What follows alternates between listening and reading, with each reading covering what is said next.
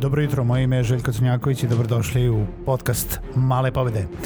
Posebna izdanja podcasta tokom perioda pandemije koronavirusa bave se trenutnim stanjem, poslovanjem u otežanim uslovima, adaptacije na novo nastale uslove i još mnogo čime. Budite sa mnom svaki radni dan od 8 sati, informišemo se i motivišemo se za novo nastalu situaciju. Pozdrav svima, dobro jutro i dobrodošli u novu epizodu podcasta Male pobede. Moje ime, kao što uvod rekao, jeste Željko Cnjaković, a vam, dragi slušalci, hvala što ste i ovaj dan sa podcastom Male pobede. Nemojte zaboraviti da se prijavite na podcast na bilo kojoj platformi koji slušate ili posjetite sajt malepobede.rs ili mi pišete na mail željko.malepobede.rs i kažete mi šta vas to muči, koji komentar imate vezano za podcast ili koji predlog imate za temu koju bih mogao da obradim. Danas u podcastu želim da pričam s vama o online događajima. Zapravo e, pričali smo gomilu puta o događajima, pričali smo o konferencijama, pričali smo o tome koliko je bitno raditi taj networking i sada u periodu e, krize, pandemije, socijalnog distanciranja, e, nemogućnosti odlaska na, ne samo na, na konferencije, na događaje, na nešto, nego na posao, jel da nalazimo se u periodu jel, neke ono, baš, baš jake izolacije i nismo navikli na to, pogotovo mi u nekom poslovnom svetu. I sada bombardovani smo sa sve više online događaje i ja to pozdravljam. Mislim da nema ništa loše u tome, mislim da nema ništa loše u online sadržaju. Hek, i ja sam jedan od kreatora online sadržaja i računam na to da će ljudi hteti da konzumiraju sadržaj sad da li je baš to svaki put neka e, neki Zoom sastanak ili neki meetup ili webinar ili e, neki online duži događaj ili samo jel da konzumiranje sadržaja putem YouTube-a, podcasta, e, blogova i, i tako dalje,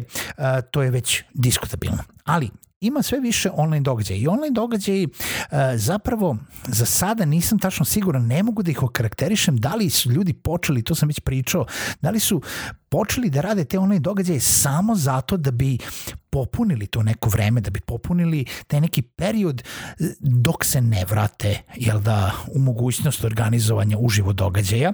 Naprimer, mi sada u Infostud Hubu, jel da, coworking prostoru i hubu koji imamo u Subotici, ne možemo da imamo one meetupove jednom nedeljno koje imamo i sad radimo neke webinare svake srede, one su bili četvrtkom tamo u našem prostoru, sada su webinari sredom I ti webinari su isto tako neki intervju ili neko predavanje nekog gosta koji je došao i zapanjujući ne samo ovaj eh, što je sad je webinar samo online, ali baš zato što je online možemo da dođemo do mnogo veće publike. U stvari možemo da dođemo ne do veće nego do šire publike zato što webinar ili bilo koji online događaj možete da pratite bilo gde da se nalazite.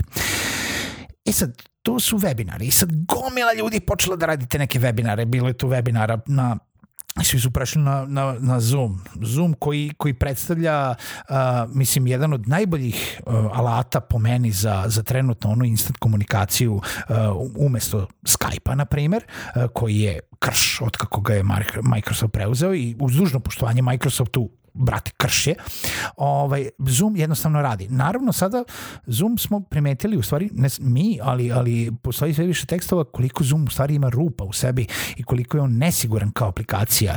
Mi dozvoljavate Zoomu gomilu stvari, među kojima je najbolja stvar koju sam do sada pročitao u jednom članku, da negde u nekim terms and conditions zapravo stoji da Zoom može da iskoristi bilo koji deo snimka koji imate razgovora, vašeg razgovora sa bilo kojom osobom koji imate i iskoristi koristi to u marketing svrhe, što znači da može da zapravo uzme jedan segment vašeg razgovora i da iskoristi kao reklamu.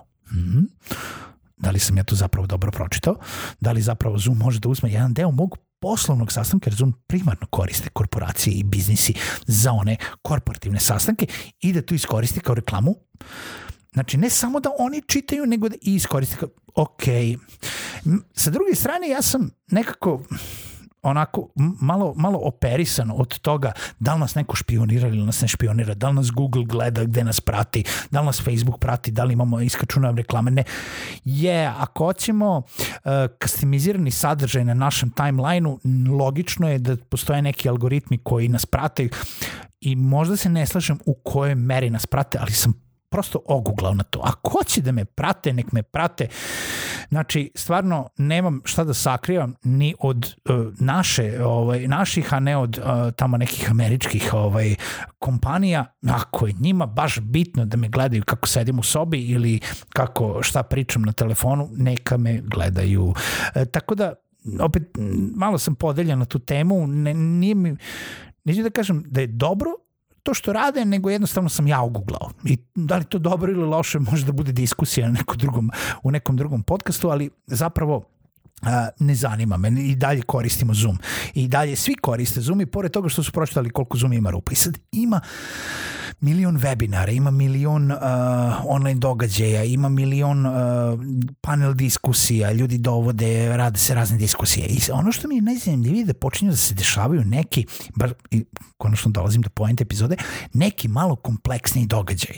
Znači, ne samo onaj klasičan webinar, jedan na jedan, ja dovodim nekoga u emisiju, pričam sa njime, nego zapravo počinjemo da vidimo neko naziranje nekih prvih čak i u domaćem, na domaćem nivou, online konferencija neka verzija online konferencije. Naravno da to nije ona konferencija na kojoj ćete vi otići, biti u nekom hotelu, moći da pričate sa, sa ovim uh, ljudima koji su došli isto tako na konferenciju, moći posebno da, uh, jel, da uzmete predavača za ruku, odete, kupite mu neko pivo uh, i popričate sa njime i možda napravite neki poslovni dil, ali zapravo dešavaju se neki kompleksni događaj, nešto što nije samo jedan na jedan, nego ima više predavanja, ima uh, više mogućnosti mogućnosti pitanja, ima više uh, nivoa tog događaja. Neki događaje imaju više čak soba u koje možete ući, više trekova, uh, više sesija, uh, celodnevni, nisu samo pola sata, nisu samo sat vremena, nego neki traju 4-5 sati i tako.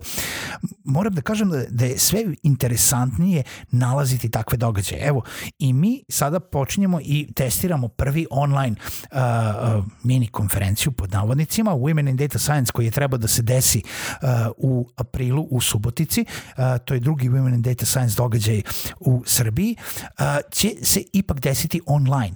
I u sredu, to jest sutra, ako vi slušate ovo danas u utorak uh, 28. aprila, u sredu 29. aprila od 17 do uh, 19 časova, u dva sata bit će pet predavanja uh, sa Q&A sesijama između tih predavanja gde će pet fantastičnih žena iz sveta data science-a govoriti na teme data science-a. Naravno da nije događaj samo za žene, nego uh, može mnogo, mnogo ljudi više da sluša. Imamo preko 150 prijavljenih već danas, a e, nadamo se da će biti još više. I naravno bit će dostupni verovatno i snimci posle toga, sad da li će biti baš u tom celom obimu celog webinara ili će biti neki istickani segmenti, to ćemo još da vidimo, ali dešava se nešto.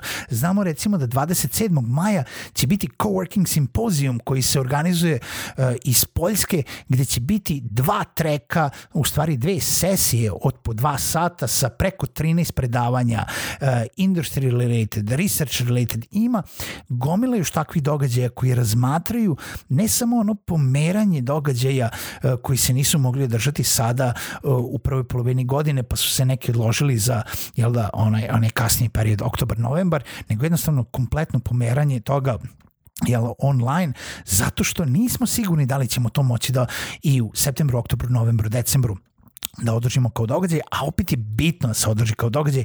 Bitno je da se ne samo taj brand pojavi, nego da se čuju ovaj ti uh, jel da ti govori. Ono što je još interesantnije što sam danas nedavno uh, danas imao prilike uh, za drugi podcast koji sam uh, u kojem sam umešan, to je Coworking Values podcast, epizoda ide uh, zapravo danas će biti puštena, ako vi slovo slušate utorak uh, 28. aprila, uh, Coworking Values podcast uh, od European Coworking Assembly-a uh, smo pričali sa kolegama iz Grčke, iz Atine, iz jednog coworking prostora koji se zove The Cube u Atini, koji su nedavno završili virtualni hakaton na kojem, je, na kojem su učestvovali učesnici širom sveta koji su se zajedno putem povezivanja kroz različite aplikacije, primarno Discord i još neke propratne ovaj aplikacije povezali u različite timove gde su imali mentore, gde su imali predstavljanje zadataka, gde su imali predstavljanje projekata, gde su imali ocenjivanje projekata i nagrade, gde su timovi bili razuđeni zato što na uh, takvom hakatonu koji su oni organizovali, što je jedan hakaton tipa kao što je Startup Weekend, a, zapravo je bilo da se piču ideje i ako vaša ideja nije jel, primljena, onda ste vi mogli samo da se pridružite nekom drugom timu i sad možda taj tim uopšte nije blizu vas. I tako da su ljudi iz različitih zemalja zapravo se spajali u timove i učestvovali na različitim hackathon projektima i hackathon zadacima, što je fenomenalno. Gde su recimo kolege iz Grčke rekli da je Evropska unija organizovala hackathon vezano za koronavirus, na kojem je učestvovalo preko 27.000 online učesnika sa 7.500 mentora što je jedan fantastičan broj za jedan hakaton virtualni digitalni hakaton koji okupio toliko ljudi, ja mogu samo da zamislim koja je to logistika unutar organizovanja takvog jednog virtualnog događaja, ali eto, je samo ideja da je sve moguće kada se hoće i pogotovo sa tehnologijom koju imamo nije ograničenje. To što smo zatvoreni u sobe nije ograničenje da se organ, organizuju samo ti najjednostavniji događaji zapravo samo imaginacija i volja je jel, ta neka prepreka jer mnogo stvari se može u samo dobru volju i dobru organizaciju koju možete da izgurate dalje.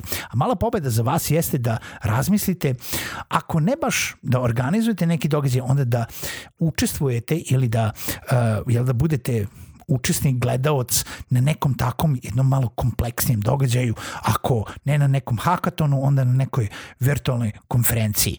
Iskusite, vidite, naučite nešto. Čujemo se u narednoj epizodi podcasta Male pobede.